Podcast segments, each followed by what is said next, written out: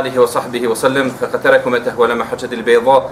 ليلها كنهارها لا يزيغ عن عباد الله حالك. فإن استقد الحديث كتاب الله وخير الهدي هدي محمد صلى الله عليه وسلم وشر الأمور محدثاتها وكل محدثة بدعة وكل بدعة ضلالة وكل ضلالة في النار. وسنزاح الله سبحانه وتعالى. Pošto smo donijeli salavat i salam na naših posljednjih poslanika, na Allahog milnika Muhammeda sallallahu alaihi wa sallam, draga braća, salamu alaikum wa rahmatullahi wa barakatuh. Mi smo kroz prethoda druženja vidjeli i spomenuli mnoga dešavanja i situacije eh, koja su ispunjavala naša srca tugom i koja su trajno ostavili traga na kvalitet i na događaj u islamskom umetu sve do današnjih dana. Danas želimo da spomenemo jednu osobu koja je na poseban način ostavila e, trag i utica na svoje vrijeme, ali i na vrijeme posle njega riječ je o Hadžadžu ibn Jusufu. O Hadžadžu ibn Jusufu. Prije nego e, što spomenem neki događaj iz njegovog života, želim da napomenem da je ubistvo Al-Huseina radijallahu ta'ala anhu sa sobom povuklo lavinu određenih događaja e, koje su u osnovi nisu zaustavile sve do naših dana. Posljedice mnogih događaja sada u svijetu, u islamskom svijetu, su stvari e, kao posljedica Husein, ubistva Huseina radijallahu ta'ala anhu. E, ti događaji su u osnovi započeli e, ta lavina koja je pokrenula e, e Huseinovo ubistvo, započela je sa medijinskim ustankom i sa pokretom pokajnici. Medinski ustanak i pokret pokajnika. Medinski ustanak ili događaj Lahurra e, se desio posljen bitke, posljen e, ubistva Huseina radijallahu ta'ala na i bitke na Kerbeli. Stanovnici e, Medine su povukli svoju prisegu i svoju lojalnost koju su dali prije toga jezidu. Iz Medine su istjerali sve e, političke predstavnike Emevija. Sve političke predstavnike Emevija, a e, glavni namjesnik Medine i glavni politički predstavnik Emevija u Medini u taj vakar bio Osman ibn Muhammed ibn Nebi Sufjan. Tako da je istjeran Osman ibn Muhammed ibn Nebi Sufjan, istjerani su svi politički predstavnici Emevijske vlasti. E, a, kaže se da je isprovociran novim potezom Jezid je poslao iz Šama e, vojsku na čelu sa muslimom ibn Ukbetom i došlo je do borbe u kojoj će među poginulim biti i ashabi našeg poslanika Muhammeda sallallahu alaihi wasallam, njihova djeca i tabiini, a borba se decila 63. godine po hijđri, dvije godine posle Al-Huseinovog ubista. Dvije godine posle Al-Huseinovog ubista. Spominje, spominje se da je najprije ponuđeno u Bejdullah Zijadu da on predvodi ovu vojsku iz Šama, pa je on odbio ne želići da bude zapamćen po dva zlodjela. Znači već je bio namjestnik prilikom ubistva Huseina radijallahu ta'ala anhu, pa kada je uh, ponuđen da bude predvodnik ustanka, odnosno predvodnik onih koji će ugasiti ustanak u Medini, kaže se da je odbio, uh, ne želići da bude zapamćen po dva, po dva zlodjela, zbog velikih novčanih stimulacija i zbog velikih novčanih darivanja, uh, okupilo se 12.000 boraca koji su krenuli da u, u, uguše ustanak u Medini, koji su krenuli da uguše ustanak u, u Medini. S tim što im je na početku bilo rečeno da se najprije mora ponuditi mirovno rješenje, da se stavnicima treba najprije ponuditi da se vrate u okrilju pokornosti eh, e, emevijskoj vlasti, pa tek ukoliko to ne pristanu i ne urade, tek onda da se krene u, u napad. Tek onda da se krene u napad. Pored toga što je postao taj uslov, Jezid je također insistirao da se ništa ne smije desiti Ali ibn Huseinu ibn Ali ibn Abi Talibu, Zainul Abidinu, kao jedinom muškom e, pre, preostalom članu Aline porodice, odnosno Huseinove porodice. Insistirao je da se njemu ne smije ništa desiti, bez obzira čak i ako dođe do borbe, ne smije se ugroziti, uznemiriti ili ugroziti njegov, njegov život. Abdul Melik ibn Mervan, kada je čuo Abdul Melik ibn Mervan, koji će naslijediti jezida, odnosno naslijedit će Mervana u, u vlasti, doći će i on e, jedan je od preslovog nasljednika, u, koj, u tom trenutku se nije znalo da će on doći na vlast, kada je čuo da je e, šta se sprema protiv stanovnika Medine, prokomentarisao je da je bolje da se nebo obruši na zemlju, jer kaže to bi bilo manje štetno. Po njene stanovnike bi bilo manje štetno da se nebo obruši na zemlju nego da se uradi ono što je jezid planirao povodom odlaska a, u Medinu i da uguši ustanak u Medini. Razloga za sam ustanak je bilo više. Na prvom mjestu bez imalo sumnje jeste ubistvo Al-Husein ibn Alije koji se desio 61. godine na Kerbeli. Zatim također se spominje da je e, E, medinska delegacija na čelu e, sa Abdullah ibn Hanvelom posjetila jezida u, u e, Šamu, u Damasku, i on je tada dočekao i ugostio i dao im velike darove. Međutim, kad su se vratili u Medini, tvrdili su da jezid ima izuzetno ružno ponašanje, da konzumira alkohol, da je sklon bludnim radnjama i da odgađa namaz van njegovog vremena, da, da je nemara prema, prema namazu. Tako su tako je tvrdili članovi te, te delegacije. Također, uh, u, u Medini je ostalo hiljadu pristalica emevijskog režima, emevijske vlasti koji su putili pismo u kojem su tražili da dođu da, da budu spašeni i da budu pomognuti. Tako da je za, za, samo, za sam ustanak i za samo suprostavljanje ustanku bilo, bilo više, više razloga. Zanimljivo je spomenuti eh, da bez obzira na zamjerke i, i neke političke propuste od strane zida, neke političke koji su stvarno bili katastrofalni, koji su stvarno bili katastrofalni, većina učenjaka među ashabima ostali su vjerni prisegi i pokorala, pokoravali su se vlasti. Ostali su vjerni prisegi i pokoravali su se vlasti. Pa konkretno nalazimo da je Abdullah ibn Umar radijallahu anhuma napustio Medinu ne želeći da učestvuje u medinskom ustanku i napuštanje njegove Medine je bilo iz dva razloga. Prvo, on je priznao jezida kao halifu i nije htio da mu se suprostavi, To je prvo. Drugo, nije htio da bude prisutan i na bilo koji način da učestvuje u među muslimanskom krvoproliću. U među muslimanskom krvoproliću. Također se spominje da je Muhammed ibn Ali ibn Abi Talib, koji se zvao Ibn al-Hanefije, Ibn al-Hanefije, e, to je Alin sin, ali od druge supruge, ne od Fatime. Od druge supruge, ne od Fatime, radijallahu ta'ala anhu. Anha, posjetili su ga oni koji su bili u delegaciji kod jezide. I došli su kod njega, e, nagovarali ga da, da im se priključi i, kon, i konsultovali, kaže, jezid, jezik e, konzumira alkohol, propušta namaz i ne, ne sudi po, po Allahove knjizi, pa je on to zanegirao i rekao, ja sam lično bio u posjetu kod jezida, pa sam e, vidio i uvjerio se da on čuva namaz, redovno obavlja namaz, znači to sam svojim očima, očima vidio, e, znam sto postotno da alkohol smatra zabranjenim i raspituje se o, o fikhu i drži do sunneta. Tako ga je opisao Muhammed ibn Ali ibn Abi Talib, skroz suprotno onome što je delegacija pričala o jezidu, o jezidu. Od njega su tada tražili da uključi ili svoju djecu da ostanu u Medini kako bi se suprostavili jezidovom režimu, ili on sam da ostane, pa je on odbio oboje. Na posjetku su mu rekli, u redu, barem podstiči ljude da nam pomognu potiči, ako ti ne želiš da učestvuješ, potiči ljude da, na, da nam pomognu. Naravno, Muhammed ibn Ali ibn Talib to nije htio da pristane ni pod koju cijenu, već je govorio koliko ja ne želim nešto da uradim, definitivno neću nagovarati ni drugi da to urade. Tako da je odbio da pomogne ovaj pokret u bilo kojem, u bilo kojem segmentu. Iako je taj pokret bio uh, u stvari radi odbrane časti poslanikove porodice, iako je bio protiv uh, vladara koji je, koji je zalim, već je uradio velike nepravde prema umetu i prema muslimanima Eh, on je napustio Medinu i to je napustio Medinu sa ostatkom Aline porodice. Alina porodica u kompletna, a to su stvari poslanikova porodica iz Medine koja je živjela u Medinu, napustila je Medinu, u tim danima je preselila u Meku i među njima je bio i Ali ibn Husein ibn Ali ibn Abi Talib, kao jedini muški e, nasljednik e, poslanikove sallallahu alaihi wasallam porodice. Zatim među onima koji nisu od velikana iz te generacije koji nikako nisu podržali tu inicijativu medijinskog ustanka jeste Nu'man ibn Bashir el-Ansari radijallahu ta'ala anhu. A, njega je lično jezid zamolio da odvraća ljude od otpara e, kada je to u pokušao, kad je Nu'man ibn Bashir el-Ansari radijallahu anhu pokušao da ljude a, razuvjeri o ispravnost njihovog, njihovog postupka, Eh, uh, upitanje zašto razbijaš, kaže naš džemat. Zašto nam razbijaš džemat, stavnici Medina, oni koji su to organizirali, optužili su ga da, da razbija džemat. I kaže, zašto razbijaš ideju slobode? Zašto razbijaš ideju slobode? Uh, pa je objasnio u osnovi da oni kao prvo nemaju snage da se suprostave zidovoj vojsci. Nemaju snage da se suprostave zidovoj vojsci, alaikum sam. A i samo mjesto gdje će se odigrati ta borba nimalo nije interesanta za stavnike Medine. Znači vi ćete se boriti pred vašim vratima, u vašim mesđidima. Znači nije normalno ni to čak. Prvo nemate snage da se oduprete, drugo dozvolit da se borba odigra među vašim kućama.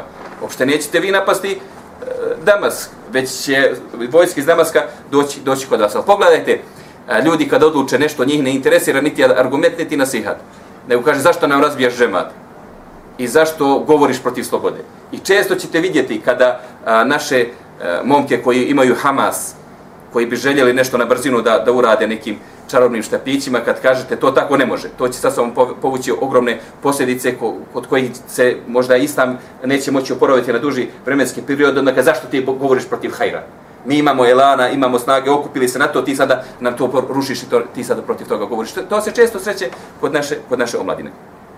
Također, Abdullah ibn Džafer ibn Abi Talib. A Džafer ibn Abi Talib je jedan od amidića našeg poslanika Muhammeda sallallahu alaihi sallam jedan od namičenja naših poslanika sallallahu alejhi ve sellem koji je premio islam učinio hidžu njegovim sebebom je e, odbranjen islam i, i vladar je primio, primio islam. Također bio je od vojskovođe bitke na Mu'ti prva bitka koja se desila protiv, protiv Rimljana. U toj bitci poginuo, u toj bitci, bitci je preselio. Abdullah ibn Džafir ibn Abi Talib je e, bližnji rođak našeg poslanika sallallahu alejhi ve sellem kao takav ubraja se u Ahlul Bejt ubraja se u Ahlul Bejt on je nagovarao jezida, znači on zbog svog autoriteta otišao je, sreo se sa jezidom i pokušao da ga nagovori da poštedi Medinu. Da poštedi Medinu, pa je on rekao, ja u osnovi ne skupljam vojsku protiv, protiv Medinelija. Ja sakupljam vojsku protiv Abdullah ibn Zubeira. Ali će ta vojska proći kroz Medinu. Ukoliko je propuste, nikom se neće ništa desiti. Ukoliko se suprostave, doći će do rata. Znači, neće, definitivno neće, neće im se ostati na tome. Pa je Abdullah ibn Džafir ibn Abi pomislio da je to možda rješenje kada bude informirao stanovnike Medine da vojska nije namijenjena za njih protiv njih. I kada je bude informirao da samo što treba da urade jeste da propuste da vojska prođe kroz, kroz Medinu, da će doći do, do uh, zaustavljanja krvoprolića koji se nazirao, međutim njemu to nije upalilo. On je poručio velikanima Medine koji su organizirali uh, medinski ustanak, nisu um, nimalo uzeli to u obzir, već su odbili i rekli da ta vojska kroz Medinu prolaziti neće definitivno ta vojska kroz Medinu prolaziti neće. Od onih koji su se suprostavili medinskom ustanku od velikana iz prve generacije i učenjaka jeste Sa'id ibn Musayyib, Sa'id ibn Musayyib, i on je od, od, u osnovi od tabeina, jedan od najučenijih tabeina, ubraja su sedam pravnika, pravnika Medine. Kaže se tokom pripreme za napad, tokom pripreme za napad medij, za medinski ustanak i tokom odigravanja samog medinskog ustanaka Sejid Musaib Rahimehullah nije učestvovao sa, medij, sa Medinelijama ni u čemu u potpunosti se izolirao od stanovnika, samo je sa njima klanio džume i klanio je bajrame. Ostalo ništa nije sa njima, sa njima učestvovao. I onda se čudimo za određene daje koji su stvarno pokazali kapacitet prilikom traganja znanja na našim univerzitetima, a s druge strane pokazali kapacitet u radu, zašto su se posle određenog vremena po, povukli i ne rade ništa po pitanju dave. Ne rade ništa po pitanju A znam lično da su te daje savjetovali i upozoravali na određene devijacije koji se javljali u našim redovima ali nismo imali tada razumijevanje prema njemu, nego, nego smo o, ga okarakterisali na ovaj, na, ovaj, na ovaj način. Znači, u potpunosti se njegov postupak, postupak takvog čovjeka, u potpunosti odgovara postupku se Ibn Musaibu. Znači, on je našao primjera u ranijim generacijama, ka, u trenucima fitne, kada ljudi ne slušaju upute učeni, da se povučeš i da ne budeš sa njima izuzev onome što moraš. A to je da obavljaš namaze, namaze sa njima i na tome da se završi kompletan tvoj, tvoj društveni život. Među onima koji su suprostavili od učenjaka prve generacije koji su suprostavili takvim idejima medinskom ustanku jeste Ebu Sejid el-Hudri. Ebu Sejid el-Hudri, rahimahullah, bio od onih koji se udaljio od bojišta e, tako da se spominje da je u tim danima nastanio pećinu. U pećinu je nastanio sa svojim oružjem. Pa je došao jedan od, od Emevija, e, znajući, videći ga da se neko kreće u tom pravcu, ušao je za njim u pećinu i e, Ebu Sejid el-Hudri je povukao svoje oružje i rekao ako ti pružiš svoju ruku prema meni, ja neću pružiti svoju ruku prema tebi. Isto ono što je e, rečeno Kabilu. Isto ono što što su dvojica sinova Adema alejselam e, razgovarali. Pa je povukao on da je ovaj upitao ko si ti, šta si ti? On je rekao ja sam Ebu Seid ili Hudri. Kaže ashab našeg poslanika. Pa on odgovorio jeste ja sam ashab našeg poslanika. Pa je ovaj čovjek izašao i ostavio ga. Nije ga, nije ga dirao. Znači bio je spreman da se povuče, da ne učestvuje u medijinskom ustanku, da dozvoli da bude ubijen, ali samo da ne prolije krv muslimansku. Samo da ne prolije krv muslimansku. Pogled, vidimo kroz primjer ove šestorice velikana, nećete naći bolji i učenih ljudi. I iz porodice poslanika i van porodice poslanika. Iz generacija sahabe i posle, posle njih. Najučeniji ljudi tog vremena da su se u potpunosti povukli i nisu smatrali ispravnim ono što će stanovnici Medine uraditi. Nisu smatrali ispravnim i nisu smatrali uspješnim. I nisu smatrali uspješnim. Historičar poput halife E, spomenuo je da je u toj bici poginulo 306 stanovnika Medine koji su bile od Muhađira i Ensarija. 306 stanovnika Medine koji su bile od Muhađira i Ensarija, međutim ove informacije su prepuhane. Ove informacije su prepuhane, nisu tačne. E, historičari su poslije bilježili svašta nešto, ali ovdje je bitno da se vratimo na ono što je vjerodostojna predaja, što ima utemeljenje u lancu prenosioca. Tako se spominje da je poslije bitke ubijeno 10.000 stanovnika Medine, da je kompletna Medina sravljena sa zemljom. Znači, ni to, ni to nije ispravno. Iako je poslije bitke još tri dana bila čistka kroz Medinu. Broj žrtava nije ni približan 10.000. Ni približan 10.000. Broj žrtava nije ni približan 3.006 306 eh, ashaba našeg poslanika Muhameda sallallahu alaihi wasallam.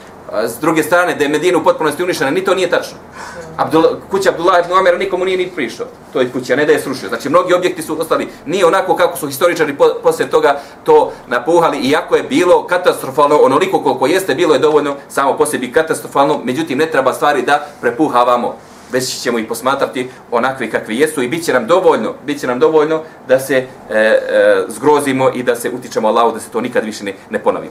U rivajetu kod Malika, rahimahullah, stoji da je ubijeno 700 hafiza i ovo je već vjerodostojni predaje. 700 hafiza je ubijeno u bitci Hurra, u prilikom e, tog gušenja midinskog ustanka. Od toga su trojica ili četvorica drugovi Allahov poslanika Muhameda sallallahu Ipak da je jedan, da je jedan poginuo, već je to katastrofalno.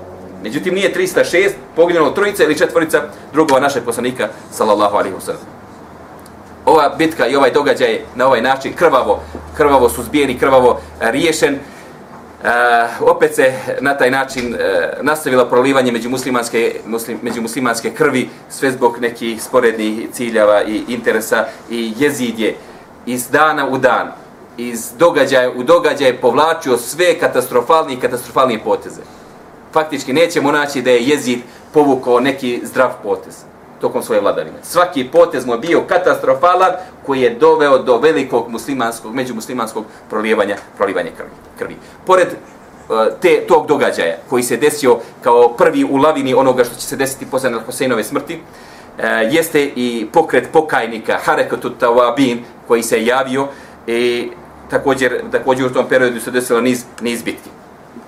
El Muhtar e, ibn Ebi Ubejde Thaqafi, on je bio Zed e, Nu'man ibn Bešir al-Ansarije. A Nu'man ibn Bešir al-Ansarije, pored toga što smo spomenuli da je bio jedan od onih koji su na prilikom e, bitke Al-Hurra uh, povukao i nije htio da učestvuje, također Ebu uh, Nu'man ibn Bešira, Nu'man ibn Bešira znamo po, uh, po događaju Nu'man ibn Bešira, znamo po događaju koji se desio Nu'man ibn Bešir, koji će se desiti, odnosno poslije toga, on će stati na stranu Abdullah ibn Zubira protiv Eh, uh, jezida, o Emevija, pošto je jezid preselio. Znači, sve dok je bio jezid, jezik živ, on, je, on mu je bio pokoran. Ali, pošto je jezid preselio, on je stao na stranu Abdullah ibn Zubeira i poveo bitku protiv Emevija koji su još opstali, a to smo, o tome smo govorili, o tome smo govorili prošli put. El Muhtar ibn e, Ebi Ubejde Thekafi bio je zet Enu'mana ibn Bešira radijallahu ta'ala anhu, namjesnika Kufe i on je sam bio, uh, Nu'man ibn Bashir je bio namjesnik Kufe prijen Ubejdullah ibn Zijada. Pa kada je uh, namjesnik Huseina Muslim ibn Aqil došao do Kufe, dočekao ga je Nu'man ibn Bashir koji mu je pružio infrastrukturu kompletnu. Kada je to jezid skontao, zamijenio ga je, povukao je njega i nastavio, postavio na njegovo mjesto u Bidullah Zijadi i poslije toga su potpunosti mijenja ambijent i atmosfera za Huseinove, za Huseinove pristanice govorili smo o tome i kako se sve odvijalo i govorili smo o Hurru isto koji je sa hiljadu borac izašao da sačeka Huseina pa se poslije vratio, objasnio stanovnicima Kufe šta se desilo, vratio se i priključio se Huseinu i poginuo na strani Huseina radijala. O svemu tome smo govorili kroz, kroz ranije predavanje. Kroz ranije predavanje. Pojenta je da je Muhtar e, bio veliki neprijatelj šamljanima i osnovno je bio okorjeli šija. Bio je okorjeli šija. Šija po prvim, gen, po prvim postulatima E, šizma. Znači nije ono što su danas rafidije, nego e, tadašnje rafidije koji su, šije, ko, šije koji su bile. Između ostalog, toliko je bio radikalan u toj privrženo za, za porodicu poslaniku da je negirao mjesto i ulogu ashaba našeg poslanika Muhammeda sallallahu alaihi sellem. Znači niš, nikoga drugi nije interesirao iz poslanikova porodica. A to je kad se uzima islam parcijalno. Kad ne daš svakom njegovo pravo. Kad ne uzimaš islam u potpunosti. Mora doći do devijacije. Tako je došlo do devijacije kod Muhtara, to, pored toga što nije priznao emevijsku vladavinu, Muhtar također nije priznao ni vladavinu Abdullah ibn Zubaira radijalahu ta'ala anhuma. Znači, ne sviđaju mu se Emevije, zato što su uradili poslanikoj porodici. On čak ne želi da prizna ni, ni Abdullah ibn Zubaira. A Zubair ibn Awam je u stvari od tetke sin našem poslaniku, sallallahu alaihi wasallam. I Amidžić Hatidže bin Huvejlin, tako da je on povezan sa poslanikom porodicom. Znači, jako blisko poslanikoj, poslanikoj porodici. Muhtaru nije htio Emevije, ali nije htio ni Abdullah Zubeiro da se pokori, već je e, suprostavio se e, i njegovom hilafetu, pa je zatvoren u kufanski zatvor od strane Ibrahima ibn Muhammed ibn Talhe, koji je bio Abdullahu namjesnik u Kufu. Posredovanjem Abdullah ibn Umar radijallahu ta'ala anhuma, El Muhtar je pušten iz zatvora i po, pridružio se pokretu za osvetu El Hoseina radijalahu ta'ala anhu. Kaže se da je 66. godine po Hidži preuzeo vlast u Kufi. Uspio na vlast da dođe u Kufi i istjerao je tamošnjeg namjesnika. E, pridružio mu se taga, također Ibrahim ibn Ešter, koji je bio, bio poznat po hrabrosti, tako da je počela ta inicijativa za osvetu Huseinovi ubica. E, I mi smo spominjali, prošli put smo konkretno govorili kako su skončali oni koji su od Abdullah ibn Zijada pa nadalje. Znači, kogod je e, učestvovao na bilo koji način u ubistvu Huseina radijalahu ta'ala kako je skončao i spominjali smo ovog Muhtara, da je on bio centralna ličnost svega toga. Od izlaska iz zatvora 66. godine e, pa sve do 68. godine kada je poginuo ubijenje e, u bici i e, ubijenje od strane Musa'adaba ibn Zubeira, namjesnika Abdullah ibn Zubeira i brata Abdullah ibn Zubeira koji je poslat u Kufu kako bi ponovno vratio e, hilafet Abdullah ibn Zubeira na tim, na tim prostorima. Inače, Kufljani su prije 66. konkretno 65. godine pokrenuli pokret Tawabina, pokajnika. Znači, pokajali su se zato što su iznevjerili El Hoseina radijallahu talanu i zakleli se da će osvetiti njegovu smrt zalažući svoje imetke i svoje živote. Znači svoje imetke i svoje živote će zalagati da bi osvetili eh, e, Huseinovu smrt i taj su, taj su svoj pokret po, e, prozvali pokajnicima. Spominje se da je osnivač i jedan od glavnih ličnosti e, E, tog pokrata bio e, Sulejman ibn Surade. Sulejman ibn Surade, za njega se smatra da je bio ashab našeg poslanika Muhameda sallallahu alaihi wa sallam umro u 93. godini života u bici protiv Ubejdullah ibn Zijada, kada je na, na strani pokajnika bilo 4000 boraca, a na strani e, Emelije bilo 20.000 boraca. 20.000 boraca, pa je tada trećeg dana borbe, borbe koja je bila neizvjesna, jako je bila nepravilno 40.000 protiv 20.000. U potpunosti je bila neproporcijalna, ipak su uspjeli e, da, da dominiraju pokajnici, ali je trećeg dana Suleiman e, ubijen i njegova glava je odnijeta Mervanom Hakemu Hakemu Šam. Taj, taj pokret je e, nastavio da djeluje sljedeće godine na njegovo mjesto, rekli smo da dolazi dolazi e, El Muhtar i naredne dvije godine će provesti jednu veliku odmazdu protiv svih onih koji su učestvovali u ubistva Hosena radi Allah. Sve to naravno dovodilo do velikog krvoprolića, do velikog krvoprolića među muslimanima. Da se kufljani, da nisu iznevjerili Hosena radi Allah, ne bi ni imalo potrebe da se kaju samo da su se u danima kada je ih Huseina trebalo pomoći i kada su mu obećali pomoć da su izvršili svoje obećanje kao što je Husein radijalahu talanhu izvršio svoje obećanje do svega ovoga ne bi došlo. Nas o, o, današnji dan u preostalih 15 minuta prije svega interesira i jedino u odnosi u stvari interesira djelovanje i pojavljivanje Hadžađa ibn Jusuf al-Thaqafi, al-Hadžađ ibn Jusuf al-Thaqafi, njegovo pravo ime je Kulejb. Kulejb ibn Jusuf al-Thaqafi, međutim promijenio tvoje, svoje ime iz Kulejba u koje bi se moglo prevesti kao štene. Otac mu je dao ime štene, pa je on promijenio svoje ime u Al-Hajjaj ibn Yusuf al-Thaqafi. On je emevijski vojskovođa, on je silnik, on je krvnik, ali on je i govornik. I spominje se da je rođen i da je odrastao u Taifu. Da je rođen i da je odrastao u Taifu. Njegova majka je unuka ashaba i šehida Ur Urveta ibn Mas'uda al-Thaqafija i kaže se za Hadžađa ibn Yusufa da je na, rano naučio Kur'an da je izučavao hadis i da je puno polagao i izučavao jezik i govorništvo. Znači, to su bile njegove osobine prije nego što je postao zapamćen po nekim drugim osobinama. Naučio je Kur'an, učio je hadis i mnogo je volio govorništvo i pjesništvo. Ne samo da je učio Kur'an, nego je sa svojim ocem bio mualimu taifu. Podučavao je djecu Kur'anom. Podučavao je Hadžađ ibn Yusuf je bio mualim taifa u faktički drugoj generaciji, u drugoj generaciji islama iako sam nije oduševljen bio tim poslom, ipak karakter mu je bio nešto sasvim, sasvim drugo, bavio se tim poslom, ali nije bio oduševljen njime, a, ali ipak će na posjetku taj posao ostaviti trajnog traga na hađađa. Tako da je kompletan život bio posvećen Kur'anu i izučavanju Kur'ana, učenju Kur'ana, konkretno učenju, učenju Kur'ana. Taif je u trenucima da koji je on bio mualim, bio neko vrijeme za Emevije, a neko vrijeme za Abdullah ibn Zubeira. Znači, bili su neodređeni. Nekada bi se priklonili Emevijama, nekada bi se priklonili i, i po, e, bili pod utjecem Abdullah ibn Zubeira.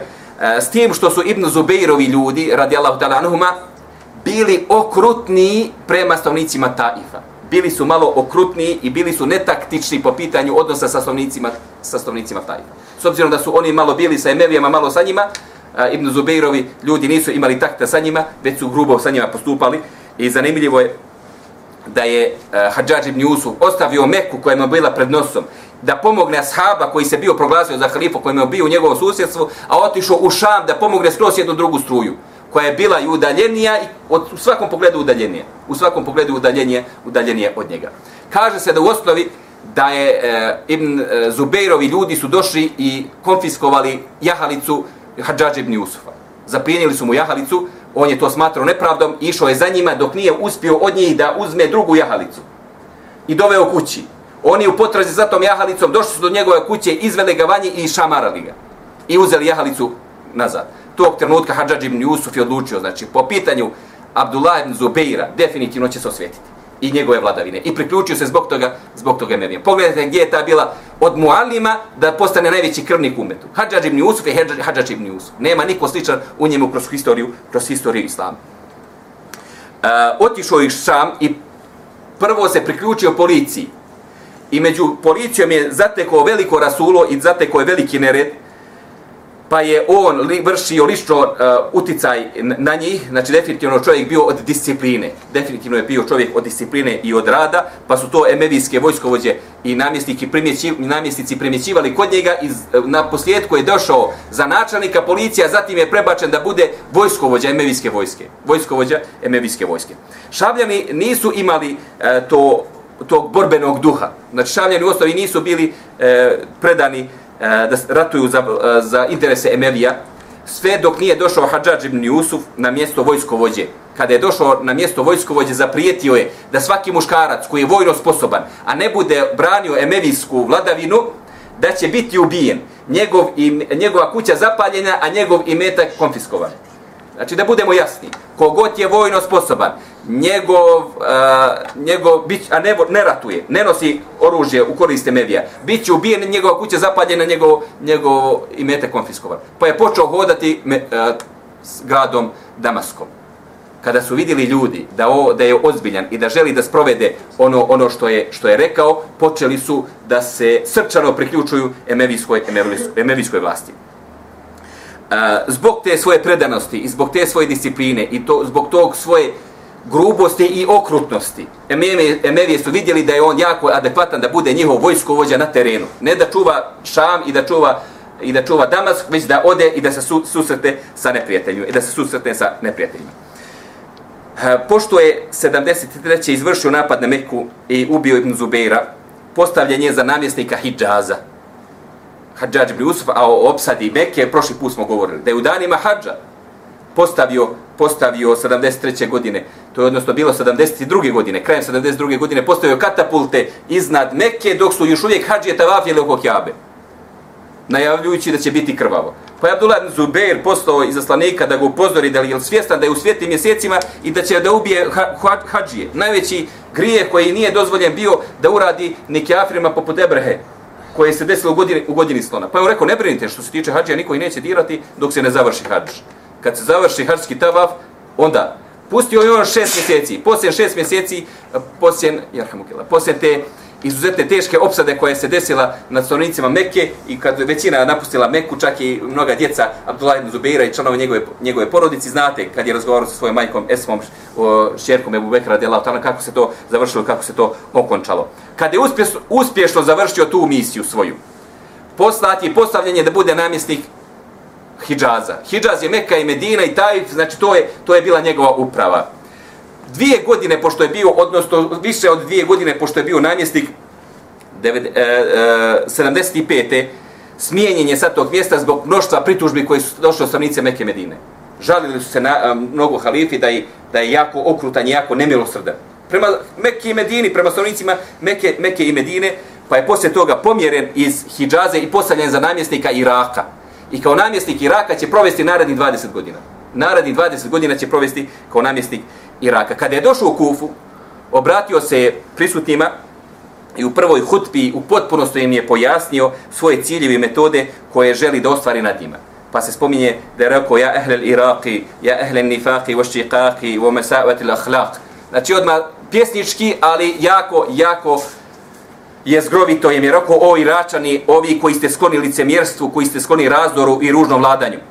Znači tako je počeo, tako im se, tako im se obraćao. Nimalo uljepšavanja, nimalo uljepšavanja. Iz Iraka je upravljao arapskim poluotokom, Jemenom, Bahreinom i Hidžazom. Bahrein nije sadašnje ovo ostravo, već je Bahrein jedan dio uh, saudijskog, sada na, na teritoriji saudijskog, saudijske države. E, tako da je upravljao Jemenom, Bahreinom, Hidžazom i upravljao ovaj faktički arapskim poluotokom, a također je upravljao i Horosanom. Sve je to bilo pod nadzorom, sve je bilo pod nadzorom Hadžađa ibn Usufa. U tom periodu imao je puno bitaka protiv Haridžija i svaku bitku koju je pokrenuo protiv Haridžije ili Haridžije protiv njega, on je izašao kao pobjednik. Emelije su izašli kao pobjednici. Također u tom periodu ostavao je grad Vasit, grad Vasit koji ste vi najvjerojatnije čuli, e, i proglasio ga za svoju prijestolnicu. Grad Vasit je ostavao Hadžađ ibn i proglasio za svoju prijestolnicu. Tokom njegove vladavine, 80. godine po Hidžri, uh, Hadžađ je za namjesnika Sidžistana postavio Abdurrahmane ibn Eš'atha. Abdurrahmane ibn Eš'ath i opremio ga je ogromnom vojskom. Kada je Abdurrahman ibn Ešad došao do Sidžistana i kada je uspostavio svoju vlast i kada je malo uvezao a, te konce vlasti, okrenuo se protiv e, okrenuo se protiv Omevija i okrenuo se protiv Hadžadža ibn, ibn Jusufa i e, pokrenuo je rat koji će biti višegodišnji pokrenuo je rat koji će biti višegodišnji. Uzaludno je u prve dvije, tri godine Hadžađ pokušavao da, da uguši Abdurrahmane Nešata i njegov pokret i njegovu vojsku i njegovu upravu. Do rata je e, dolazilo, ali iz rata je uvijek Ibn Nešat izlazio kao pobjednik tako da mu se povećavao i broj ratnog plijena, povećavao mu se samim tim, čim se povećava materijalna baza, odmah dolazi do duhovne nadogradnje, kažu. Materijalna baza pa duhovna nadogradnja. Odmah je imao više pristalice pa je mogao da a, a, više vojske sebi, sebi priušti. 83. godine po Hidžri doći će do sukob između ove dvije vojske u mjestu koje se zove El Džemađim. El Džemađim. El Džemađim se nalazi između Basra i Kufe i tu su se sreli, srele dvije, dvije vojske e, i tom prilikom Ibn Ešratovi glavni ljudi su pobijeni, s tim što je Ibn Ešrat uspio da se povuči, da pobjegne, ali je uhvaćen od strane nekih lokalnih emira, nekih lokal, lokalnih vladara, koji su pregovarali dugo vremena sa Hadžađom da isporuči Ibn Ešrata. Da isporuči Ibn Ešrata, međutim Ibn Ešrat je u jednom trenutku prilikom nepažnje svojih stražara iskoristio i skočio sa kule, skočio sa dvorca u kojem je bio zatvoren i izvršio samoubistvo nije dozvolio da padne u ruke Hadžađa, Hadžađa ibn Usufa. U spomenutoj bici El Džemađim ubijen je, ubijen je također Ebul Džavzai. Nije Ebu Džavzi, znači Ebul Džavzai. Ebu Džavzai. On se zvao Evs ibn Abdullah el Rabija el Basri i veliki učenjak iz generacije Tavina. Hadise prenosi od Abdullah ibn Abasa i hadise prenosi Abdullah ibn Amr ibn Asa umro je i poginuo je u toj bici El, El Džamađi. Veliko krvoproliće i veliki nered koji se desio među muslimanima radi nekih političkih, političkih ciljeva. 86. godine po Hidžri umro je halifa Abdul Melik, kojem je uh, Hadžađ ibn Yusuf bio lojalan bez imalo pogovora. Naslijedio ga je njegov sin El Walid, e, kojem je također Hadžađ ostao lojalan, ali ta neka uh, sim, simpatija prema njemu nije bila od strane sljedećeg prestolonasljednika uh, Sulejmana ibn Abdul Melika, koji je bio proglašen nasljednikom, niti je bio, niti se osjetila na, naklonost prema Hadžađu od jednog od namjesnika Emevije, od Omera ibn Abdul Aziza. Tako da je Hadžađ ibn Usuf osjetio da trenuci koji dolaze poslije trenuto, trenutog vladara Luelida ne idu njemu u korist. Dolaze ljudi koji ga nimalo ne simpatišu, koji ga nimalo ne simpatišu, pa se ostavio i muslimane i uznamiravanje muslimana već se okrenuo prema novim osvajanjima, e, tako da je učestvovao u osvajanju Tur, Turkanist, Turkanistana, također se prvi susreo sa vojnicima Kine. Došao do Kine Hadžadž ibn Yusuf sa svojom vojskom, prvi se sreo sa, sa, vojskom, sa vojskom Kine, dok je e, sin El Hadžadžovog brata e, ušao sa vojskom u Pakistan. Sin, ta, tada je to, država se zvala Sind, o, upravo je brat, e, had, e, o, o, sin Hadžadžovog brata prvi sa vojskom ušao, ušao do Pakistana a upravo se pozabavio time da bi se malo zaboravila njegova, njegova osnova kako je bio nemilosrdan. Kaže se da je u Hadžadž, tokom Hadžadžove vlasti ubijeno 100.000 muslimana i da je prilikom njegovu trenutku njegove smrti iz zatvora izašlo 100.000 ljudi. Među onima koji su bili u njegovom zatvoru jeste i časni ashab našeg poslanika Enes ibn Malik.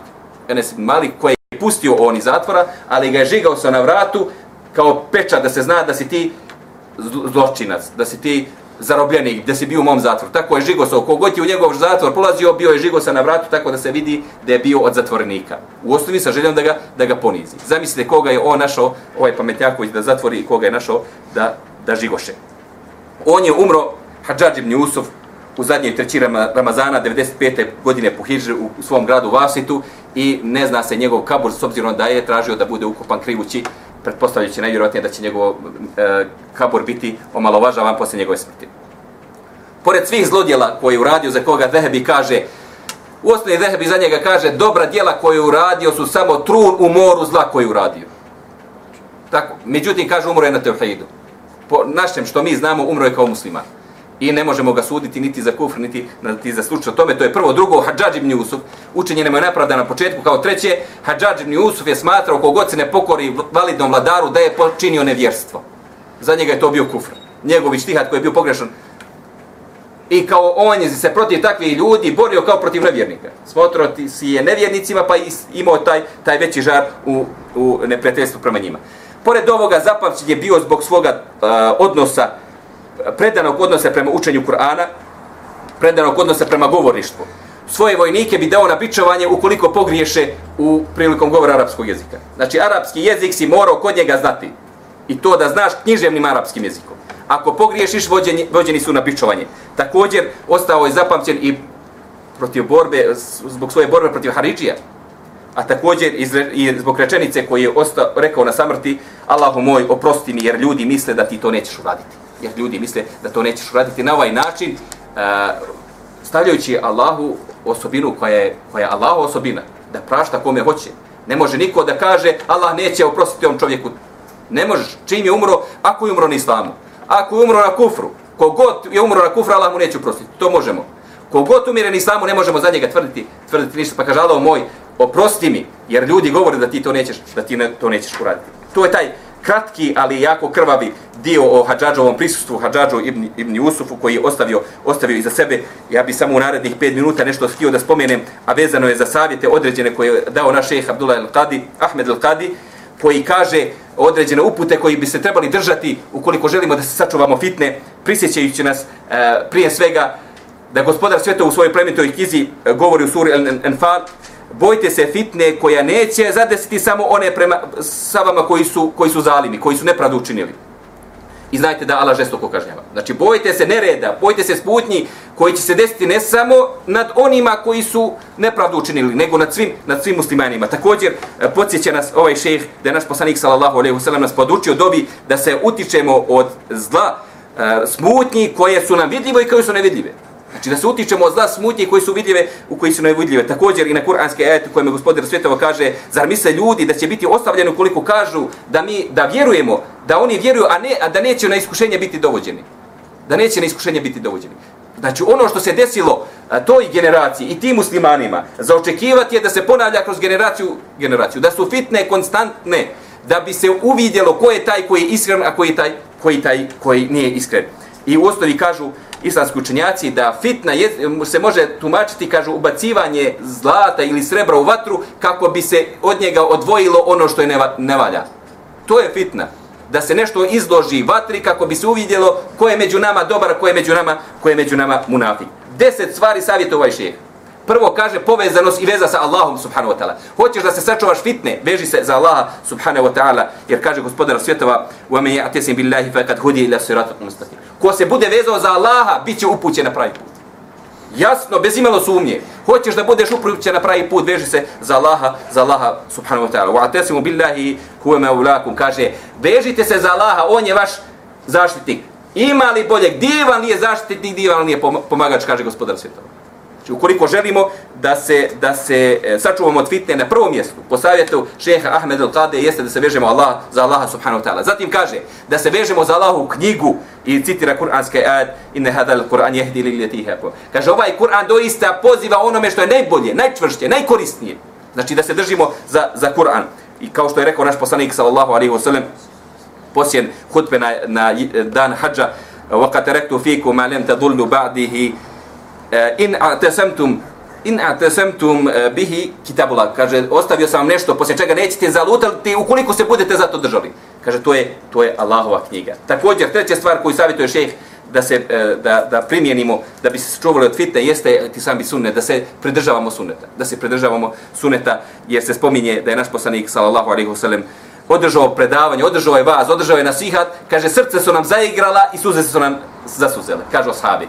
Pa smo primijetili da je to zadnji nasihati, emocije je bila, nabijeno je bilo emocijama. Kao Allah poslaniče ti isto kao da se od nas opraštaš, pa nas posavjetuje. Pa Allah poslanik govori o fitni koja će, koja će dolaziti po sebi. Pa kaže šta da radimo? Dobro, shvatili smo fitna, opisao se šta da radimo, pa je naš poslanik sallallahu alejhi ve sellem rekao: "Fa alejkum bi sunnati wa sunnati al-khulafa'ir rashidin mahdiyyin min ba'di." Ja vam poručujem, moj sunnet, držite se mog sunneta i sunneta upućenih pravednih halifa posle mene. Uhvatite ga svojim kutnjacima i nemojte ih nikako uh, ispuštati, jer svaka novotarija je zabluda, zabluda vodi, vodi u džehennem. Uh, tako da je na ovaj način Allahov poslanik sallallahu alejhi ve sellem pošto je opisao fitnu i ono što će se desiti posle njega, lijek dao i spomenuo držanje za suneta, za njegovog suneta i za suneta našeg poslanika Muhameda sallallahu alaihi wasallam.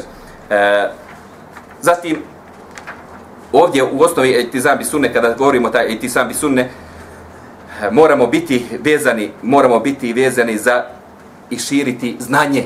Ukoliko želimo da se sačuvamo fitne, moramo širiti znanje i moramo se čuvati inovacija. Moramo se čuvati, čuvati inovacija. Peta stvar, odnosno četvrta stvar koju savjetuje ovaj naš šeh jeste da se držimo muslimanskog džemata muslimanske zajednice. Wa'tasimu bihablillahi jami'a wala. Mislim to su već ajeti koji svaki dan čujemo, ali slabo slabo više ostavlja to traga traga na nas. E, I kao mnogi mnogi drugi kaže Allah poslanik sallallahu alejhi ve sellem ukoliko vidite pri, pri vašem emiru nešto što vam se ne sviđa, kaže vi saburajte jer onaj koji bude umro usamljen bez, bez džemata umro je vrstom džahilijetske smrti smrti umro je vrstom džahilijetske smrti smrti također naš poslan, ovaj šejh Ahmed al-Kadi savjetuje da se treba čovjek držati za vođu i predstavnika muslimana. Mora se pokoravati vođi i predstavniku muslimana u onim stvarima koje nisu nepokornost Allahu subhanahu wa ta'ala. Pa navodi e, kuranske ajete vezano zato i navodi hadis našeg poslanika sallallahu alaihi wa sellem o vladarima koji će biti zalimi Pa kaže, vi ispoštujte svoje pravo prema njima, a od Allaha tražite svoje pravo.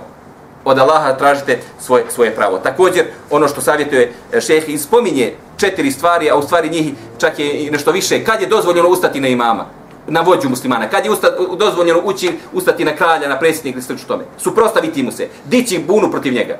Prvo, kad su greške njegove e, stopostotne, ne nešto što se priča, ti kao, jo, vidi koji je fesad na ulici, to je sigurno kriv kralj nego od kralja konkretno da znaš naredbu ili, ili stvar koja, koja ugrožava islam i, i muslimane. Zatim se kaže da je ta stvar kufr, ne neke stvari koje, koje su mimo kufra. Zatim se kaže da su sa, za, za tim stvarima upoznati ljudi. Ne ti vodiš borbu protiv, protiv vladara, ljudi okolo uopšte ne znaju šta ti radiš. Moraju ljudi da su upoznati sa tim stvarima. Da imaš adekvatnu zamjenu i da imaš snage da ga skineš s vlasti. Šta će mi da ustane protiv vladara ako će doći isti od, ko on ili gori od njega? Koja je korist? Šta će mi da se dignem na vladara koja nema mogućnost da ga skinem? A sve stvari koje mi danas radimo uopšte ne ispoštujemo ovi, ovi pet stvari, a u ti pet stvari u stvari lijek da se sačuvamo od fitne. Šesta stvar koja se spominje jeste ta adimu. Mora se voditi računa o hurmetu muslimana. Mora se voditi računa o hurmetu muslimana. E, naš poslanik sallallahu alaihi wasallam je na dan uh, hađa svog oprosnog rekao vaši, vaši meci, vaši životi su vam sveti kao što je svet ovo mjesto u ovom danu kao što je svet a, a, Arefat, na danu Arefata, ima šta? Svet je za muslimane od, od toga. Tako su sveti, kaže naš poslanik sallallahu alejhi ve sellem, ko okrene svoje oružje protiv nas, nije od umeta. Nije musliman onaj koji okrene, onaj koji psuje muslimane, on je pokvarenjak, onaj koji ubija muslimane, on je čafir. Odnosno, to je kufr. To je kufr, onaj koji ubija muslimane, to je, to je ubijanje muslimane je kufr. Znači, mnogi hadisi u kojima nas naš poslanik, sallallahu alaihi wa sallam, upozorava. Kaže također ovaj šeheh, vraćanje na, na one koji imaju znanje. Po, smo vidjeli u prvoj generaciji. Gdje su oni koji imaju znanje po pitanju fitne? Nigdje ih nema. Povlače se, upozoravaju, savjetuju. Ljudi neće, oni se povlače. Ukoliko želimo da se sačuvamo fitne u ovom vremenu, definitivno se moramo vratiti, vratiti na učene i to je, to je jasna stvar. Također spominje ovaj šeh da mora se pogledati u završnicu, mora se pogledati u rezultate. Fitna se određena dešava, ogovaranje se neko dešava, moraš da sedneš i da analiziraš. Ako se ja uključim u to, kakve možemo očekivati rezultate od toga? Ako vidiš da su rezultati katastrofalni, onda moraš da se povučeš, a najčešće su rezultati katastrofalni. Najčešće su rezultati katastrofalni. Devete stvar koje savjetuje naš šeh jeste da se moramo da se moramo čuvati od fitne i metka. Kad je došao jedan od eh, namjesnika koji je prikupio zekat eh, iz, iz jednog dijela od Bahreina konkretno. Pa kaže, došao je, kaže, odmah su posle sabaha došli stanovnici Medine, kaže, ste čuli da je došao namjesnik sa, sa prikupljenim zekat? Kaže, jesmo lao poslaniče. I on govori, kaže, ne bojim se ja vas po pitanju siromaštva, ja se bojim za vas kad vam se otvori dunjaluk. Ja se bojim za vas kad vam se otvori dunjaluk. Zar ovo većina ove bitke koje su se desile u prvoj generaciji nisu bili upravo, upravo radi dunjaluka. I na posljedku moramo se čuvati fitne, moramo se udaljavati od fitne kao što je naš poslanik sa selem rekao, do, des, desit će se fitne, događat će se fitne. Onaj koji sjedi bolje od onoga koji stoji, a onaj koji leži bolje od onoga, on, onoga koji sjedi. Znači što manje imaš aktivnosti u tome, ti si bolji. Kad je fitna, što si mirni, što te manje ima na Viberu, da manje komentariš što ti je bolje. Čak se spominje da je savjetov Abdullah ibn Sauda kada mu je govorio o fitni, kaže Allah poslaniče, šta ću ako uđu u, na, moj, na moju teritoriju, na moj imanje, na moje dvorište, kaže povuci se u kuću. A ako uđu u moju kuću, kaže povuci se na mjesto gdje klanjaš. A kaže ako uđu mjesto gdje klanja, kaže uhvati se ovako. Sjedi i govori, i govori Rabbi Allah, Rabbi Allah, dok te ne ubiju. To savjetuje naš poslanik u, u vremenu fitne. Kad te, kad te zadesi fitna, da se zatvoriš na mjesto gdje obožavaš Allaha, inače u svojoj kući, da zvežeš svoje ruke i da kažeš moj gospodar je Allah, moj gospodar je Allah i da se predaš dok te ne ubiju, samo da ne ubiješ da ne ubiješ drugog muslimana i to je ono što sam imao s ovim serijalom. Molim Allah subhanahu wa ta'ala da vas nagradi zbog vašeg prisustva i organizatora zbog svog zbog po, poziva i povjerenja koji su kazali prema meni. Ovo je bio ciklus kojim nismo željeli da likujemo na tim tužnim događajima, već da izvučemo pouku i da se sačuvamo mi u našoj generaciji, jer svaka generacija je izložena fitnama i svaka generacija je izložena problemima. Nemojte da dozvolite da budete dio problema, već se trudite da budete dio rješenja. Subhanakallahumma wa bihamdika ashhadu